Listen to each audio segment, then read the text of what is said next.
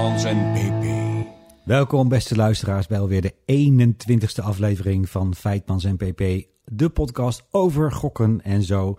En uh, deze keer vanuit de Puttense studio, PP. Van, vanuit Putten, voor het laatst vanuit Putten. Is dat zo? Ja, zeker. Deze studio wordt uh, opgeheven. Wordt opgeheven, oké. Okay, ja, okay, wordt opgeheven. Dus, ja, dus. Wegens succes opgeheven. Wegens succes opgeheven. Dus binnenkort komen de landbouwvoertuigen met graafmachines en de boel gaat tegen de vlakte. Ja, het uh, wordt helemaal gesloopt en teruggegeven aan de natuur. Nee, dat niet. Maar ja, het is met weemoed nemen wij afscheid van uh, dit uh, Puttense stulpje. Precies. Maar goed, nog net één podcast en wel de 21ste die we dan hier opnemen. En, en wat voor één? Ja, en wat voor één? En wat voor één? Want, Want we hebben een thema. thema is als je me nou. Als je me nou. Loekie. Loekie is het. En dat linkt wellicht ook aan de reclame. Want de reclame en de gokkelarij, daar schijnt iets mee te zijn. Ja, daar hebben we al eens vaker aandacht aan besteed in ja. vorige podcast. En al uh, heel wat stellingen aan ja. besteed. En traditiegetrouw doen we dat niet alleen.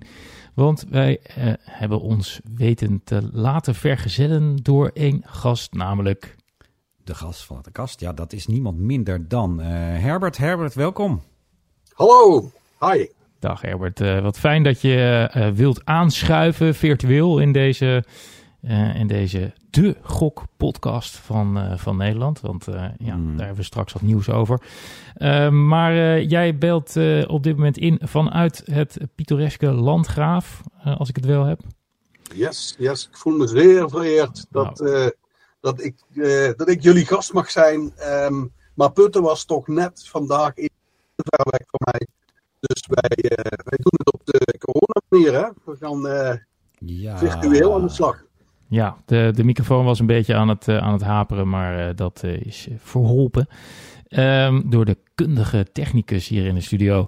Uh, maar uh, ja, welkom dus uh, Herbert. En ja, voor de nieuw inschakelende luisteraars, podcast getrouwen. we hebben altijd een aantal vaste onderdelen van de podcast. En de eerste, de eerste vaste... Uh, het eerste vaste onderdeel is. Ja, dat zijn altijd de reacties. Hè, de, reacties de ingekomen de, stukken. De ingekomen stukken. De postzakken vol op ja. podcast 20. PP brand los. Ja, een gedenkwaardige podcast, durf ik wel te zeggen. nog nooit bij een live uitzending. En dan meteen, nou, ik denk dat wel 150 man in de zaal zaten of zo? Zeker, want wij mochten zomaar live podcasten uh, vanaf het podium. Maar welk podium was het? Waar zaten we? Gaming in Holland, yes, eh, het Gokkelerijcongres. Ja. Het, ne het Nederlandse Gokkelerijcongres, uh, georganiseerd door Gaming in EU, door Willem van Oort door en zijn team. Ja, en die had gevraagd of wij uh, daar op het podium een podcast wilden ja. opnemen. Ja. Nou, wij waren zo goed. Dat, wij wilden dat ook wel doen. Was, onwijs, was, was onwijs leuk ja. om te doen. En uh, ook heel uh, eervol en spannend tegelijk. En ja, achteraf ook erg leuk. Alleen, ja, van tevoren bedenk je dan, ah, dat is leuk. Dan doen we dezelfde vijfmans NPP hoodie aan. Ja. Uh, maar het was een warme dag. En, Zo. Uh, en die hoodies die zijn hechtbaar. Die kun je op de Noordpool gebruiken ja, volgens ja, mij. Ja, en, en bovendien val je ook niet op omdat ze wit zijn. Nee. Um, maar goed, het was een, uh, het was een, een, een leuke... Uh, een, een, leuke aflevering en ja, uh, achteraf veel, ja, veel reacties, reacties gekregen. Um, een aantal reacties was van ja, dat is eigenlijk het leukste onderdeel van het hele congres. Ja, ja. Nou ja, dat, dat is natuurlijk heel aardig dat mensen dat zeggen. Dat is natuurlijk ook hetgene wat wij het liefst wilden horen. Natuurlijk. Ja. Je wordt er ook selectief luisteraar in willen, zeg maar. Het waren mooie complimenten. Het was leuk om te doen. Ja. Er waren positieve reacties en het was misschien ook wel gewoon een keer iets anders en iets nieuws zo ja. op die manier. Ja. En, het, en het was natuurlijk in het Engels. dat is altijd ook weer anders dan, uh, dan nu weer gewoon in het Nederlands. Ja, en uh, we hebben een aantal uh, aanmeldingen dankzij die live podcast gekregen. Dank je wel daarvoor. Blijf je vooral aanmelden via reageren. Het vijfmansnpp.nl. Daar kun je altijd aanmelden als uh, gast voor de kast. Of als je denkt van jongens, dit zouden jullie eens moeten bespreken. Ja, of het dat, klopt gewoon niet wat jullie hebben gemeld. Dat, kun je ook gewoon ook, daar ja, doorgeven. Ja, ja, ook kritiek. We kunnen er weliswaar niet tegen, maar je kunt het altijd uh, dat is wel geen enkel probleem. ja, uh, inderdaad. Um, nieuws gaat de truien, de hoodies. We waren bij Gaming in Holland on stage. heb je nog meer nieuws? Nou ja, ik heb verder geen ingekomen stukken of nieuws. Maar... we hebben wel het vaste rubriekje. Yes. En dan nu het nieuws van de afgelopen weken.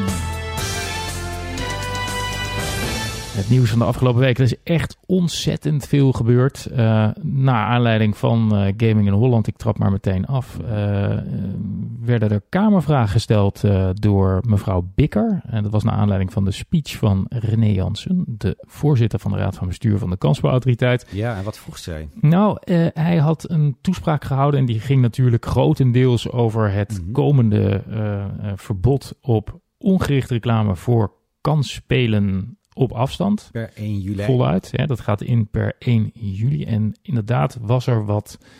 Nou ja, er werd, werd naar uitgekeken uh, uh, waar de kansspelautoriteit mee zou komen. Mm -hmm. Een nadere vingerwijzing van zo zullen wij gaan monitoren en handhaven. En René Jansen gaf in zijn uh, speech met name ook aan van ja, wij weten ook nog niet precies hoe dat allemaal gaat uitpakken en hoe dat gaat lopen. En wij zullen niet meteen met ons bonnenboekje in de hand uh, uh, overal boetes op gaan slaan. Uh, kijk vooral uit. En als je denkt van nou, hm, ik weet het niet zeker, doe het dan vooral niet. Hè? Dus bij twijfel niet oversteken was zijn advies. En um, de KSA zou er niet met gestrekt been ingaan. En dat was met name aanleiding voor Kamerlid van de ChristenUnie, Mirjam Bikker om daar vragen over te stellen aan minister Weerwind. En ik geloof dat ze een tiental vragen had opgesteld. Mm -hmm. En eigenlijk kwam het op neer, minister, dit kan toch zomaar niet. Er moet hard worden ingegrepen. De partijen hebben lang genoeg zich kunnen voorbereiden op dat verbod. Um, en er moet gewoon keihard worden opgetreden. Nou de, inmiddels heeft de minister ook die vragen beantwoord, zag ik. Uh, hele redelijke antwoorden. Uh, en uh, het kwam er onder andere op neer dat de minister zei van soms is een normatief gesprek, hè, normoverbrengend gesprek, beter dan meteen keihard boetes op te leggen. En uh, nou, dat, dat vond ik wel heel redelijk. Ja, uh, ik ben natuurlijk schoolmeester van huis. En soms denk je dan ook van, uh, als Jantje dan weer vervelend is, misschien helpt een goed gesprek beter dan tegelijk te zeggen, Jantje, de komende weken moet je In de elke hoek. dag de pauze binnen blijven. Of op het bord schrijven. Ja, ja, maar er zullen natuurlijk dan ouders zijn in diezelfde klas die zeggen van nee, ik vind dat de regels gehandhaafd moeten uh, worden en blijven. Dus ik begrijp ja. Mirjam standpunt natuurlijk ook wel. Van, uh, in, uh, in... Nou ja, kijk, en, en, daar heb je gelijk in. En als René Jansen één ding niet deed, was te suggereren van oh nou, weet je, we gaan een beetje met een Jantje van Leij toezicht houden en nee. ah, we gaan het niet zo nauw nemen met de regels. Nee, dat zei hij juist niet. Hij zei, bij twijfel niet inhalen nee. en niet oversteken. dus, dus misschien werkte het een beetje polariserend juist ook wel. Maar goed, dat is misschien wel haar rol. Dat is ook de, de, de, uh, de standpunt, het standpunt van de ChristenUnie natuurlijk uh, aangaande de gokkelarij. Ja. Dat is niet eentje van, uh, oh, daar hebben we vertrouwen in. Het zou verboden moeten worden. Ja, dat zou ze misschien het liefst, het liefst wel hebben inderdaad. Ja. Maar gelukkig komt ze nog een keertje bij ons in de podcast om dat een en ander ja, toe dat, te lichten. dat, daar, daar zien we naar uit natuurlijk. Zo is het. Maar wat was er verder nog aan nieuws? Ja, ik kreeg ook uh, via, via het bericht binnen dat uh, is ook een opmerkelijk bericht. Herbert zou jou misschien ook wat moeten zeggen. Dat momenteel blijkt dat sinds corona de omzet van de gokkasten in de horeca stijgt. Versus het bericht dat de omzet in de, in de reguliere hallen, om het zo te zeggen, de, de casino's, daalt. En hoe kan dat dan? Want en dan lijkt het logisch, want wat is nou het verschil tussen het gokaanbod in uh, cafés en uh, restaurants en hotels en uh, automatenhallen? Mm. Bij automatenhallen doen ze een cruxcontrole en bij hotels en in cafés doen ze dat niet. En dat stijgt. Dus het lijkt, het zou erop kunnen lijken dat ja, mensen die dus onder crux uit zouden willen komen op de een of andere manier, toch willen gokken buiten crux om, die kunnen dus bij de cafés terecht. Want daar vindt die controle niet plaats. Nou, het is misschien wat te kort door de bocht om dat zo te stellen. En ook nog te vroeg om daar conclusies aan te verbinden. Maar op, op zijn minst is het opmerkelijk. Eh, eh, Herbert, eh, is, zijn die cijfers zijn die toevallig ook per 1 oktober 2021 gemeten? Want dat, daar zou je dan aan kunnen zien of er een verschuiving plaatsvindt. Nee, nee, bij mijn weten overigens, uh, PP, zijn die cijfers niet gemeten. Oké. Okay. Um, uh, overigens vind ik de verklaring van feiten uh, vind ik een hele, ja, een hele verstandige. en invoelbare. Um, als je daarbij optelt dat wij natuurlijk met corona, tijdens die coronatijd, dat diezelfde horeca heel lang gesloten is geweest. En dat je nu ziet dat die horeca ineens weer, ja, laten we zeggen, mateloos populair is. Dat het hmm. horeca ook nu um, het bezoek voor corona overtreft. Er gaan nu meer mensen op stap. Hè? We gaan meer uiteten, we gaan meer naar het café, we gaan meer op, uh, ja, erop uit dan dat we dat voor corona deden. Ja. Nou, als je die twee bij elkaar optelt, dan lijkt mij dat die cijfers daar op zijn minst voor een deel uit verklaarbaar zouden moeten kunnen zijn. Ja. En is het niet zo dat het aantal automaten in de horeca de afgelopen jaren uh, stevast afneemt uh, ten opzichte van in de hallen? Want volgens mij was het toch beleid van het kabinet om zoveel mogelijk die dingen uit de snackbarren en de cafés te weren. En, en, en de vergunningen daarvoor niet langer af te geven. Is dat niet het uh, beleid? Kijk, de, de, de snackbar, uh, die zijn natuurlijk al, al, al heel lang. Um... Ja, kun je zien hoe lang kan niet meer in de snackbar komen. Ja, maar daar, daar, speelt het, daar speelt het zich niet meer af. Hè. We maken nee. toch schijnbaar een onderscheid tussen de natte en de droge horeca. Ah, ja, ja, ja, ja. De laagdrempelige en, uh, de hoogdrempelige ja, horeca. Ja. Mm -hmm. Ja, dus die snackbar uh, die laten we even, even liggen in de, in de uh, natte horeca. Ik zal maar zeggen, daar waar ook een drankvergunning is. Ja, ja, ja. Daar zul je toch nog zien dat in de meeste, uh, meeste cafés, restaurants, noem het maar op, mm -hmm. daar staan ze nog wel. Mm. Wellicht op een wat minder opvallende plek, maar ze zijn er nog gewoon. En ja, laten we daar vooral geen verstoppertje over spelen. Nee. Het is voor de kastelein of voor de uitbater natuurlijk wel een heel aardig zakcentje wat op die manier binnenkomt. Ja. Hè? Ja. Maar goed, juist daar is het natuurlijk uh, voor, voor die groep uh, die jij nu omschrijft, hebben, daar wordt dus geen krugscontroles uitgevoerd. Nee, exact. En ook geen leef, de leeftijdscontroles, nog net zoals dat vroeger ook in de hallen was. Alleen maar op, uh, op grond van, nou, die ziet eruit als, ja, die zal wel 18 zijn. Ja, op grond van de horecavergunning. Ja. Ja. ja. ja. nou, sterker nog, feiten, dus, um, ook in diezelfde sector, hè, is ook geen enkele sprake van een preventiebeleid of uh, de uitvoering daarvan. Hè. Mensen in de horeca worden niet getraind, bijvoorbeeld, zoals medewerkers in de casino's.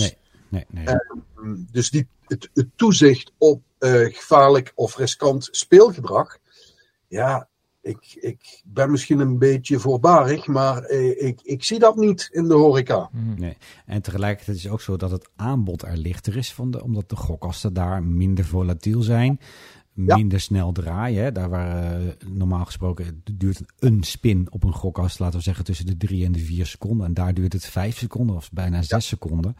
Wat ook voor een, dat weet ik zelf ook nog vanuit het verleden, voor een gokker echt bieren irritant is. Dat schiet niet op. Dat duurt maar een partij lang. Ja. Dus het, het gemiddeld uurverlies volgens mij op een gokkast in de horeca is ook 30 euro. En tegen een 40 euro is het uurverlies in een, in een, in een, een hal. In een hal ja. En dat is weer lager dan in Holland Casino, toch? Ja, ja. en ja. dus is het, is het in, de, in de horeca minder verslavend. Maar ja. Ja, nou ja. Hmm. ja. Is dat wel een hele, een hele um, theoretische benadering? Ja. Ja, um, waardoor je wel, ja, wettelijk gezien daar blijkbaar, uh, en hoe moet je dat noemen, mee wegkomt op de een of andere manier. Zo kan het dus. Ja, ja, ja. ja nee, goed. Ben, ben het met je eens, uiteraard. Aan de andere kant denk ik, um, de realiteit zal waarschijnlijk ook zijn dat een combinatie van toegenomen horecabezoek en het ontbreken van enig toezicht, dat dat er wel voor zorgt dat mensen de overstap maken. En uh, daar waar zij bij wijze van spreken -hmm. in het verleden uitsluitend in een uh, casino kwamen, dat zij nu ook uh, een deel van hun tijd in een, in een café of in een restaurant komen. Ja. Mm. ja. Interessant nieuws. Dat is iets wat. uh, dat zouden ze moeten gaan uitzoeken eigenlijk. Ja, er zit, uh, zoals wel vaker in uh, Vijpels en PP, dit onderwerp vergt studie. We hebben nog zoveel te bestuderen. Uh, wat had je verder nog uh, voor nieuws? Ja, ik heb verder nog het nieuws dat de vestiging, uh, ik ga toch even een naam, naam noemen van Mercure in Mercure Casinos in Emmen nu dicht gaat. En daar, ja, ik ben een paar, Arjan Korstens is natuurlijk ook wel eens vaker de, de, de gast geweest bij ons in de podcast. Ja. Die gaat, daar, die gaat daarover ook. En um, ja, ik, ik ben daar ook een keertje als ervaringsdeskundige nog aanwezig geweest. Het is een heel mooi, gloedje nieuw casino. Alleen uh, ze, er is één probleem. Er komt niemand. Mm. Nou, dat heeft een tijdje geprobeerd. En uh, nu is het uh, toch gebeurd. Las ik zojuist op een van de Casino Nieuws websites. Dus Aha. Mercure Emmen is Gesloten gesloten. per direct of... Ja, volgens mij wel, wat ik las wel. Is gewoon dicht met een briefje op de deur. eh, gasten, bedankt voor, eh, bedankt voor alles. Oh, Maar het stond, er stonden niet heel veel mensen dat briefje te lezen ook. maar dat, ja, dat vul ik natuurlijk een hoe weet jij dat dan Ja. weer van dat briefje? Ja, dat weet Je hebt je contact in Emmen. Bijzonder is als je voor dat casino stond, dat je uitkeek op de plek waar vroeger mijn middelbare school stond. Ah, Alleen toen, in- nu niet meer eh, dus. als ik keek van de middelbare school de andere kant op, Was het weiland. was er nog geen Mercure Casino. Nee, het was Ah. het slechts de Weijert, het grote parkeerterrein. Tegenover de Albert Heijn en de Belastingdienst. Maar allemaal details. De Belastingdienst, ja, dat is dan wel weer grappig. Eigenlijk- Nou ja, dat is weer een ander. Je werkte mijn vader. Dat is weer een ander ding. En eh, ja, verder nog nieuws. Eh, ik zag eh, volgens mij gisteren dat NLO een eh, periode van een maand pauze heeft ingelast in eh, hun eh, affaires met de affiliaten, affiliates. Affiliatenaffaires. Nou ja, geen, geen affaires, maar dat ze, dat ze tijdelijk eventjes eh, aankijken hoe het nieuwe eh, besluit Orca, Borca, hoe dat gaat uitpakken. Mhm. En eh, of affiliates in staat zijn om te voldoen aan de wettelijke ehm, norm. Oké, dus zij wachten af. Zij wachten af, ja. En, en bedrijven. Nou ja, dus ze, ze gaan een maand kijken hoe het loopt. Eh, en eerder had eh Bad City en Holland Casino Ja. aangegeven te stoppen met, eh, met hun zaken met affiliates. Hm. En binnen de wereld van affiliates was er natuurlijk grote ophef over. Ja. Ehm, nou ja, Met eh, een, een van de medewerkers van zo'n affiliatenbedrijf, zeg ik het maar zo. Eh, had ik nog gezegd van eh, je kunt altijd vrijwilligerswerk bij de AGOG komen doen. oh ja, nou ja, goed, dat, maar dat kan altijd natuurlijk. Dat, hè? ja, dat kan ging- altijd. Dat is ook zo, dat ging hij overwegen. Het staat één niet Ja. vrij. Ja. Maar eh, dus ja, dit, dit, dit wordt even kijken hoe, hoe dat gaat uitpakken. Eh, anderzijds begreep ik dat het ministerie en de kansspelautoriteit eh, toch echt wel een duidelijke rol weggelegd blijven zien voor de affiliates. En dan heb je het met name over de affiliates die hè, zich houden aan ja, eh, eh, wet en regelgeving en geven om de zorgplicht en dat soort zaken. Dus eh, ja. En dit nou ja. ten einde de kanalisatie. ja, de kanalisatie te bevorderen. Ja, Ja. ja, ja. De kanalisatie, ook nieuwswaardig. De kanalisatie, ja, dat is, dat waar het allemaal om te doen is. Ehm, en volgens de kansspelautoriteit staat het op eh 92% momenteel. Oké. Ja, eh, had jij verder eh, nog... Ja, mijn laatste dingetje is nog wat aangehoord nieuws. Dat is dat onze vestiging, eh, onze nieuwe groep in Den Bosch, eh, nu inderdaad eh, gestart is. En dat we bezig zijn met het openen van een tweede groep in, eh, bij mij in, eh, in. Arnhem. De groep groeit en wordt groter. En tegelijkertijd, terwijl we daarmee bezig waren om te kijken hoe we dat gingen organiseren, kregen we bericht van een verslavingszorginstelling in Nijmegen dat we daar ook een groep zouden kunnen starten. Bij hun in het pand. En dat is heel tof. Dus wat dat gaat worden, weet ik niet. Ehm I'll keep you posted. Eh, maar er zit een nieuwe Gelderse groep aan te komen ook. En dat is eh, fijn. Dus in, in Nijmegen is nog geen AGOG. Daar hadden we er ooit eentje. En die is eh, uiteindelijk ter ziele gegaan. Ah. Eh, dus de- toen zijn alle Nijmegenaren eh, naar Arnhem gegaan. Oh, ik wou Je net zeggen, het, het ligt, liedje, het liedje gaat altijd Nijmegen, Nijmegen, altijd zon en nooit is regen. Dus Ja, ja. ja, ehm, nee, dat, nou, dat is, dat is Nieuwe goed groepen. voor, voor de mensen die hulp zoeken in de regio Nijmegen. Zo is Dus, dat. Hartstikke mooi. Ja, dat Ja. was eh, denk ik het nieuws van Zeker. de afgelopen weken. ja. Ehm, dat eh, brengt ons naar het hoofdonderdeel, de gast van de kast. Yes. En eh, we hadden al gezegd, eh, Herbert Damazo. Hoe spreek ik jouw naam correct uit, Herbert? Damoiseau. Damoiseau. Dus, Damoiseau. in de buurt, ja. En eh, eh, jij bent, wat doe je eigenlijk eh, zoal in het dagelijks leven? Wie is je vader en wie is je moeder? eh, zou eh, tante, tante, hoe heet ze ook Nou ja, mijn S, eerste. Ja. initiële reactie op zulke vragen zou zijn zo weinig mogelijk. Ja. Dat doe je in je dagelijks leven. Maar, eh, alle, alle flauwekul eh, aan de kant. Ik ben eh, preventiewerker bij Mondriaan. Mondriaan is een instelling voor GGZ-zorg. ehm, en ik ben verslavingspreventiemedewerker. Mhm. En als zodanig ook wat, eh, ehm, ja, wat al wat langer bezig met de gokkelarij. En alles wat daarmee te maken heeft. En vader en moeder zijn beide ehm, al een poosje geleden overleden. Ehm, diep geworteld in de Limburgse cultuur. Ehm, ja, moeder was streng maar rechtvaardig. Vader was eh, vooral van de tweede en de derde en de vierde kansen. En ik hoop dat ik daar beide eh, een graantje van mee heb kunnen pikken. Ja, mooi. mooi. Dus echt geworteld in Limburg. Yes, absoluut. absoluut. Mooi. Ja, het is leuk. Ik ken Herbert al best wel een tijd. Um, en, ik ben sindsdien ook best wel vaak in, in Zuid-Limburg geweest. Daar ook, omdat uh, jullie natuurlijk de training doen voor uh, het grote grootbedrijf dat daar ook gevestigd is. Laat ik ze zo maar eventjes noemen. Mm -hmm. hè, van Janssen Haras. Dat zit daar natuurlijk bijna naast. En, um, dus ik heb sinds die tijd ook het een en ander van de Limburgse cultuur mee mogen uh, uh, opsnuiven, zeg maar. En ja, dus ik ken Herbert al een hele tijd, uh, PP.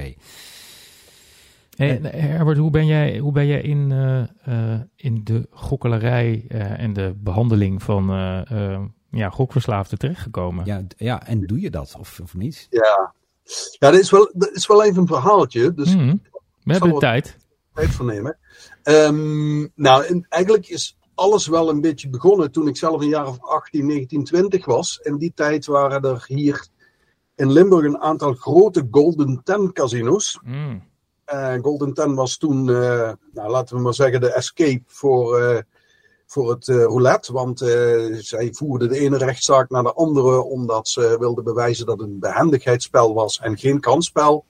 Nou, um, heel veel leeftijdsgenoten en kennissen die werkten daar als croupier of als uh, in, in, in, de, in de horeca of wat dan ook. Mhm. Dus ik kwam daar best redelijk vaak, omdat die jongens mij tipten als er weer eens Indische rijsttafel op het menu stond.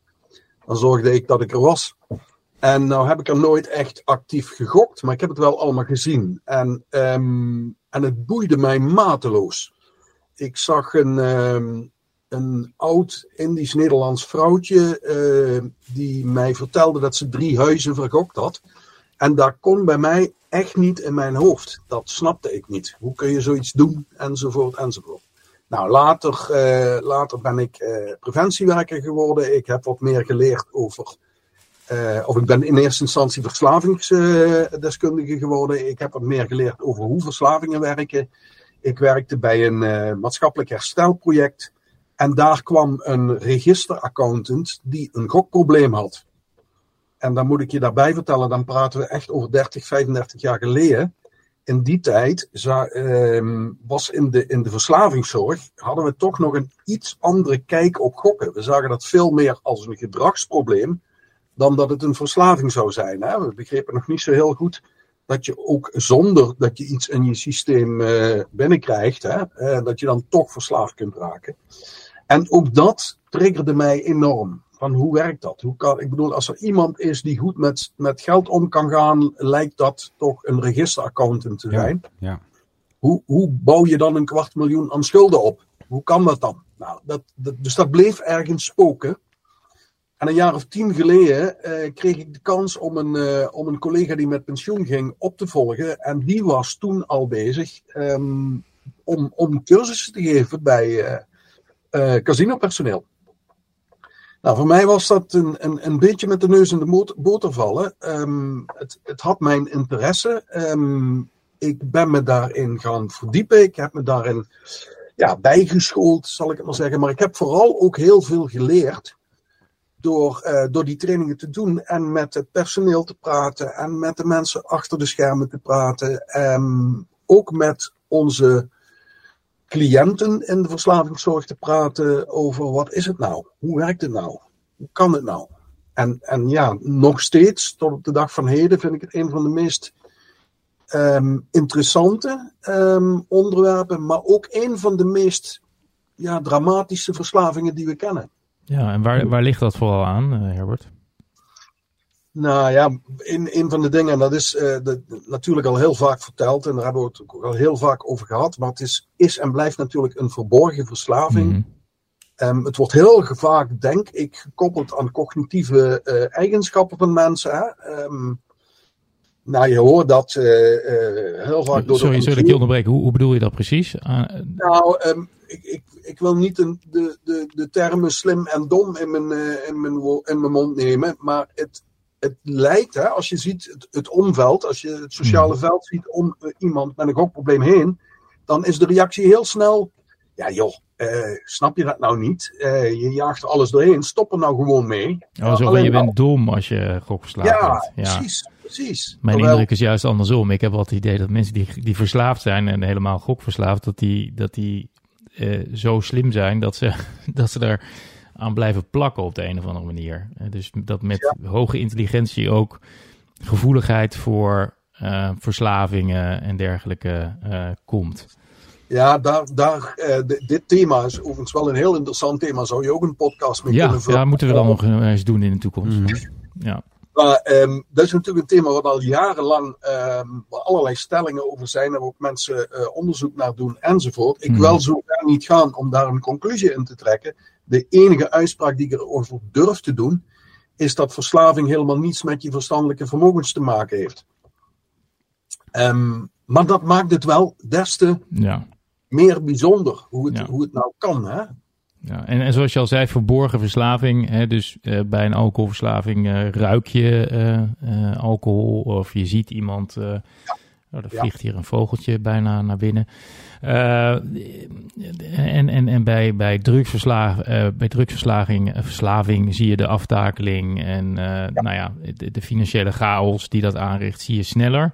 En dat is bij gokverslaving niet, omdat de gokverslaafde misschien ook wel omdat hij juist zo slim is, dat heel goed weet te verbergen.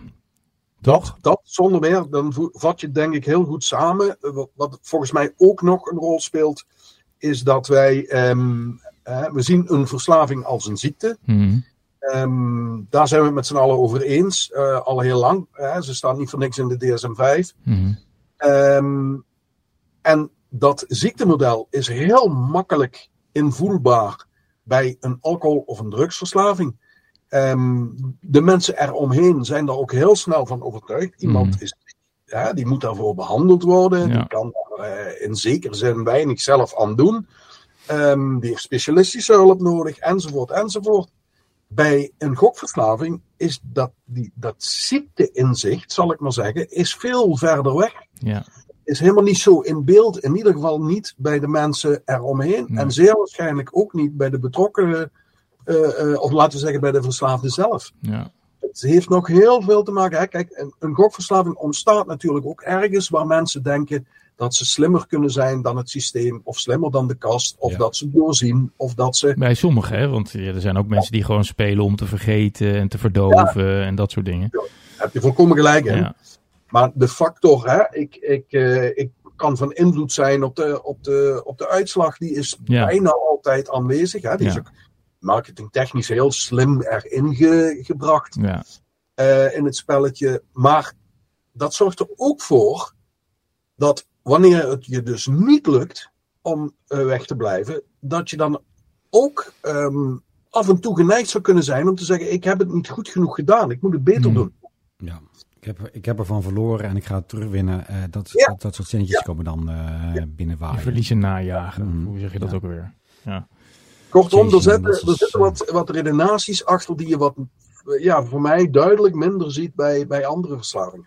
Ja, en, en wat natuurlijk ook nog meespeelt is dat bij drank, en bij drugs en dat soort dingen, eh, mensen stoppen iets in hun lichaam. En bij gokken is dat niet zo. Terwijl uiteindelijk het mechanisme eh, helemaal hetzelfde is, want het gaat om dopamine Exact. eh, en, en het bevredigen van Ja, ja. eh, Pretstofjes in je hoofd. Ja. Klopt.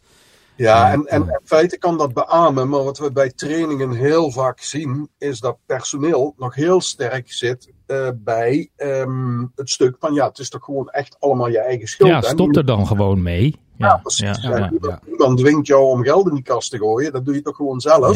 ja. Ehm, en het stukje eh, do- dopamine craving, hè, het, eh, de zucht naar die dopamine, is, is ja, voor heel veel mensen absoluut volledig onbekend. En zelfs ehm, moeilijk te aanvaarden. Ja. Om het in die zin gelijk te schakelen met een andere verslaving. Ja, en het is voor mensen ook moeilijk om het los te zien van, eh, want dat is helemaal niet de achterliggende reden natuurlijk. Het is ook geen eh, exoneratie. Hè? Als in de zin van, uh, dat betekent niet dat je, uh, dat je er helemaal niets aan kan doen. Kijk, je hebt zelf natuurlijk ook nog wel enigszins wat over je, uh, hoe zeg je dat, wat je wel en wat je niet doet.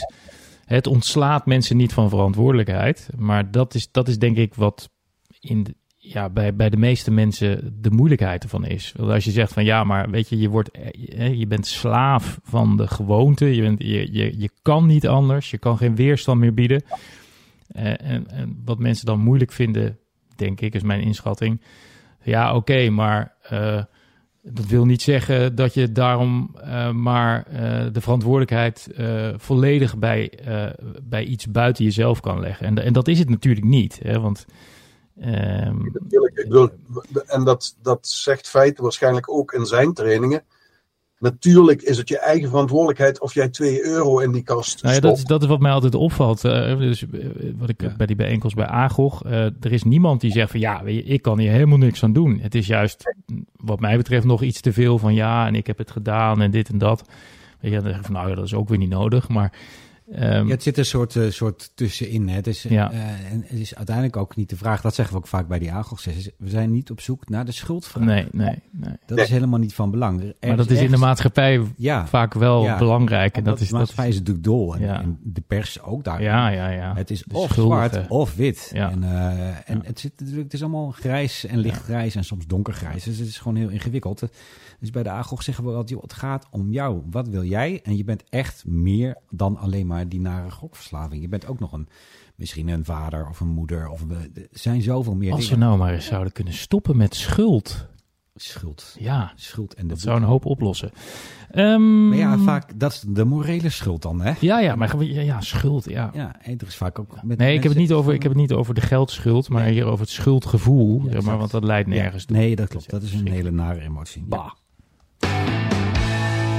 Ja, weg met schuldgevoel. Um, dat, um, dat brengt ons eigenlijk uh, wel bij uh, het, het hoofdfeest van uh, de podcast uh, Vijfmans NPP, namelijk de drie stellingen. Ja, we hebben er weer drie voorbereid en Herbert en ik lees er zo meteen eentje voor en dan mag jij daarop reageren en we komen ongetwijfeld tot meer nuance dan. Stelling 1. Preventietrainingen voor casinopersoneel zijn een probate manier om gokverslaving te voorkomen. Herbert. Ja, op uw ja. antwoord. Hele, hele leuke stelling, want als ik uh, natuurlijk primair zou regeren, zou ik nu uh, ja, hoera roepen. -hmm. uh, en dat heeft natuurlijk ook alles te maken met het feit dat, ik, dat ik die, die trainingen ook zelf doe. Um, en als ik er niet in zou geloven, dan zou ik het ook niet doen. Mm -hmm. Um, als je uh, probaat zegt, dan, dan rijst bij mij natuurlijk de vraag: hoe definiëren we de grenzen van probaat? Hè? Waar, waar trekken we de streep in het zand? Wanneer uh, is het nou probaat en wanneer niet? Mm -hmm. En waar ik in ieder geval van overtuigd ben bij elke training die wij ooit gedaan hebben, en waarschijnlijk ook elke training die wij nog zullen doen, is dat een aantal van de aanwezige mensen naar buiten zullen lopen met nieuwe inzichten. En net dat maakt um, dat, we hebben daarnet hebben we het over verantwoordelijkheid gehad. Um, als je het over zorgplicht hebt, heb je het vooral ook over verantwoordelijkheid. Um, dat maakt toch zo'n training dat mensen zich daar meer van bewust zijn. Dat zij, omdat ze een riskant product aanbieden, die verantwoordelijkheid hebben om die zorgplicht goed na te leven. In dat opzicht, overigens, moet ik ook in één adem erbij noemen. -hmm dat we natuurlijk heel blij zijn met uh, de nieuwe wet COA, waarin um, die opleidingen voor casinopersoneel gewoon verplicht gesteld zijn. Ja. En ook... Dus het is ook nu niet langer zo uh, dat, uh, nou laten we zeggen, de CEO van een groot bedrijf bedenkt hoe actief dat hij met die zorgplicht om zou gaan of niet.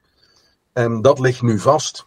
Um, en wat wij in de trainingen tegenwoordig ook zeggen is, het is niet meer zou je het alsjeblieft willen doen, maar het is je moet het doen. Hè? Je ja. moet monitoren en je moet mensen aanspreken. Ja, nou, ik, en, ik denk dat ik, ja. ik geef de training natuurlijk ook mede namens Mondriaan natuurlijk. Ik denk dat dat ook aan het verschuiven is. Hè? Daar waar we vroeger vaak een beroep deden op... Uh, menselijkheid en er zit een mens achter de kast. Dat doen we overigens nog steeds. Is het nu ook, je moet, je moet met ze gaan praten. Want dat schrijft de, de wet voort. En uh, voer je uiteindelijk nooit van dat soort gesprekken met je, met je gasten, met je gokkers. Ja, dan uh, voldoe je niet aan de zorgplicht. Dan zou je je vergunning moeten verliezen, punt.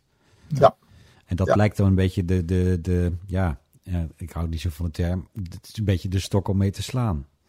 Of de stok waar je de wortel aan hangt. Hè? Het is maar hoe je het, uh, het, is maar hoe je het benadert natuurlijk. Ja, precies.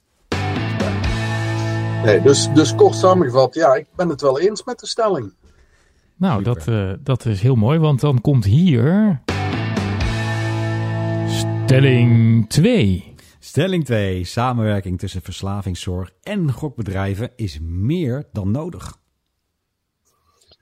Ja, ja maar ook daar, hè, als ik heel spontaan reageer. Doe maar, ik, hou van spontaan. Ja, ja, hoera. Um, weet je, um, ooit hebben we natuurlijk gezegd, heel lang geleden, um, en dat zullen mijn voorgangers gezegd hebben, en alle andere mensen in, in, die, in diezelfde branche werkzaam zijn. Um, weet je, als we uh, een beetje, if you can't beat them, join them. Als we uh, onze invloed geldend willen maken, zullen we aan tafel moeten.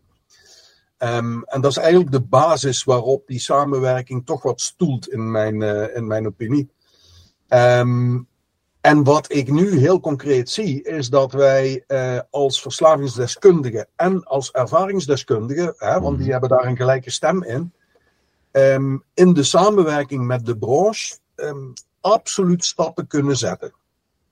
Uh, daar waar je discussie over zou kunnen voeren is uh, hoe groot moet een stap zijn voordat die telt. Hè? Um, mm-hmm.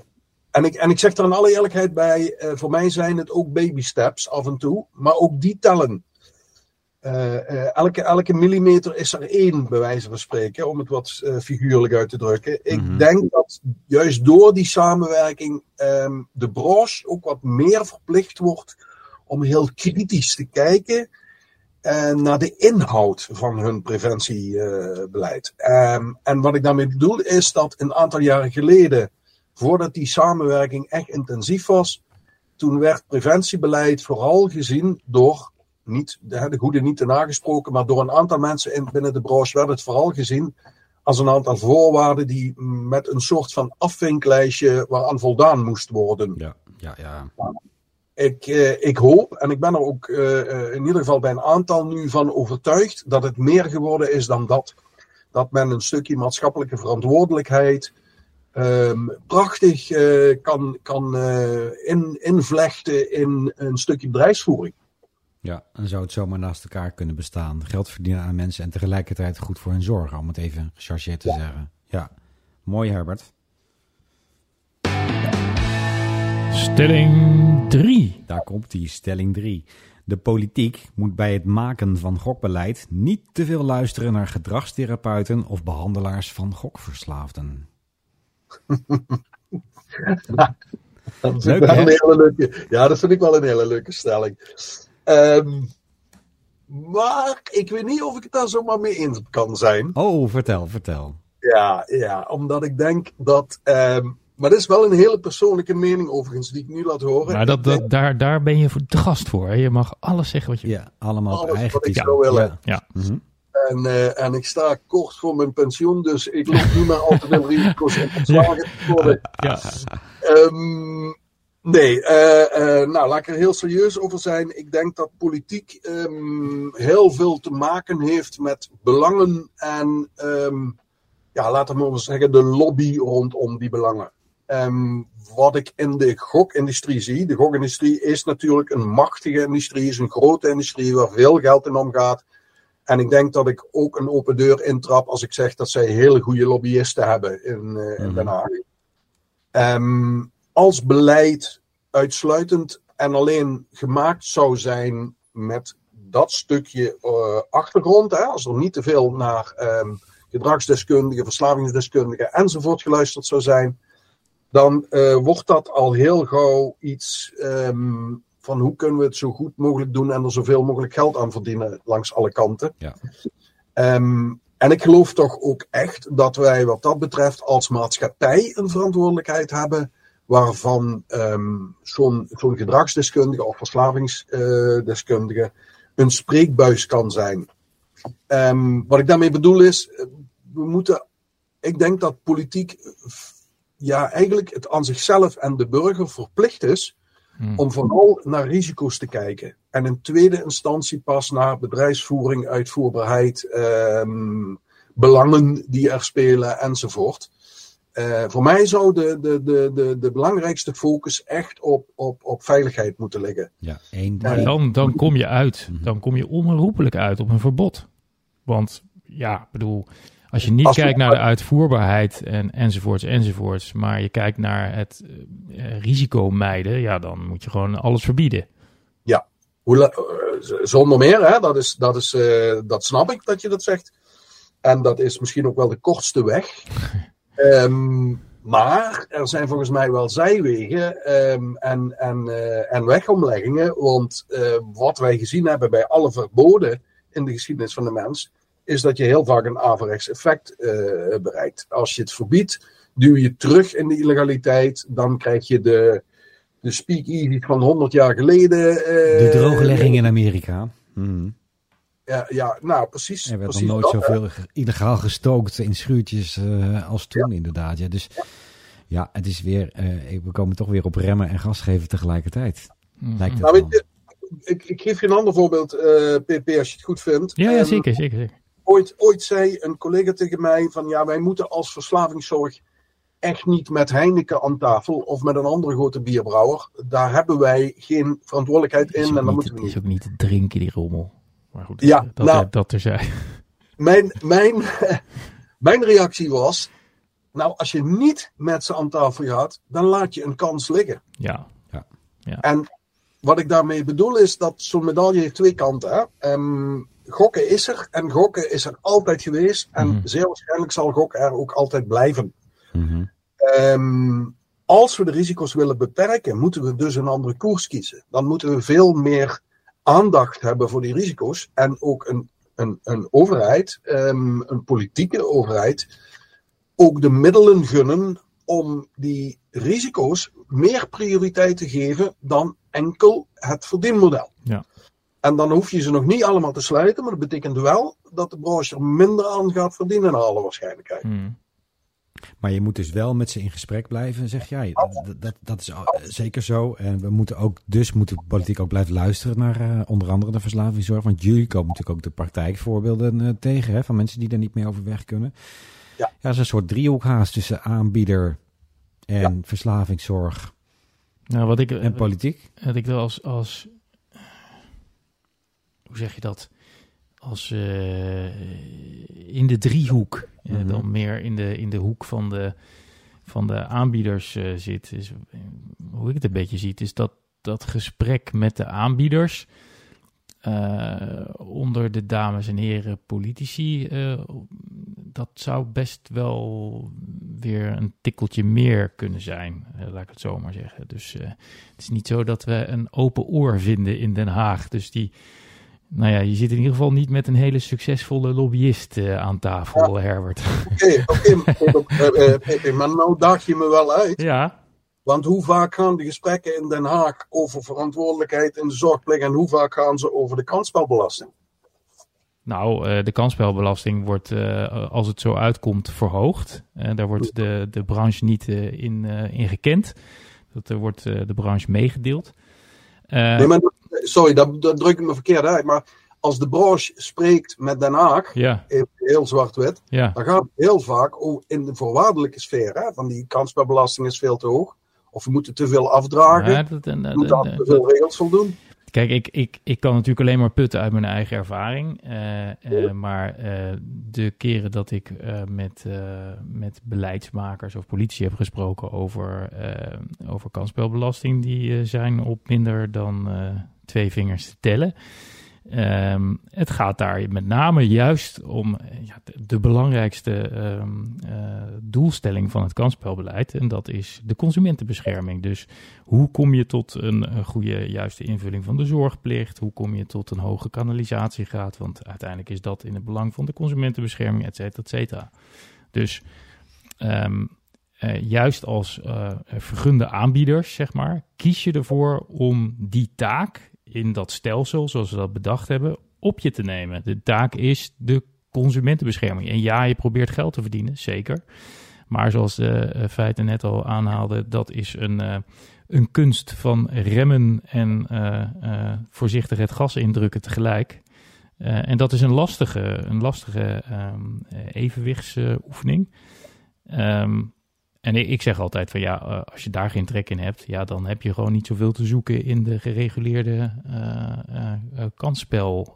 nee, dus je doet het mee, doet mee volgens de Nederlandse regels en dus met aandacht ja, voor, heel, ja, voor zorgplicht ja. en dat soort zaken. En anders dan ga je maar weg. Ja, ja, maar ik denk, even terug naar wat jij zei, Herbert. Ik denk dat het gesprek, uh, en dat is ook met de industrie, eh, dat is, dat is gewoon noodzakelijk. Uh, zowel tussen ehm, de, laten we zeggen, de, de behandelaars, therapeuten, gedragswetenschappers, ervaringsdeskundigen, als de beleidsmakers, maar ook de wetgever, de Kamerleden. Voor Kamerleden, die kunnen ook niet zonder de input van de, laten we maar even zeggen, de onder de kansspelautoriteit toezicht staande aanbieders. dus ik wil het nog even benadrukken, maar die vertolken echt een rol in het stelsel. En ja, volgens mij moet je die rol niet, uh, moet je die niet uitvlakken. Dat is denk ik een vergissing. Nee, dat twijfel, dat twijfel ik over ook. Absoluut, ja. Nee, nee, nee, maar dat, dat was ook een beetje een hartekreet naar de luisterende Kamerleden. Ja, ja, ja. praat met de industrie. Nou ja, praat met iedereen. Ik vind het wel, die, die driehoek is wel weer een mooie om dat ja. een keer zo te stellen. Want daar gaat het om, om uiteindelijk te voorkomen dat mensen aftakelen en uh, in, in zo'n verslaving terechtkomen. Daar gaat het om. Dus dat, zo vertaal ik met, ja. met mijn achtergrond uh, consumentenbescherming. En dat is ook hoe ik denk dat de kansbouwautoriteit erin zit. En uh, de collega, hoe zeg je dat, collega brancheverenigingen. En weet je, zo hebben we allemaal de taak die we moeten vervullen. En ik, volgens mij kun je dat het beste doen door elkaar te spreken en ook aan te spreken. Ja, en, dus, en te, te blijven kijken. Want ik blijf gewoon nog wel merken dat mijn aangroep eh, niet kleiner wordt. En de problemen, ja. En het, ik, ik ben pas klaar als die hele aangroep opgegeven kan worden. Omdat die problemen, er geen probleemspelers meer zijn. Utopie, maar uh, is altijd leuk. Om Desalniettemin... Uh... Vechten tegen windmolens. Don Quixote, ja. We gaan hem naar het... Uh, ja, we gaan uh, naar uh, het einde ja. van uh, deze 21ste editie van Feitmans NPP. Het muntje is bijna op. Herbert. Maar, maar dat doen we niet voordat of nadat. Nee, wat is het voor? Nou, we doen dat niet zonder jou heel hartelijk te bedanken, Herbert. Want ja, zonder gast geen kast, zeg ik altijd maar. En uh, Feitmans, jij ook heel hartelijk dank. Ja, Pepe, jij ook zeker voor uh, de, de, het warm welkom in de Puttense studio, ja. wederom. En nou, tot, tot gauw allemaal. Tot nummer 22. Joe. Dag. Tot ziens. Doeg.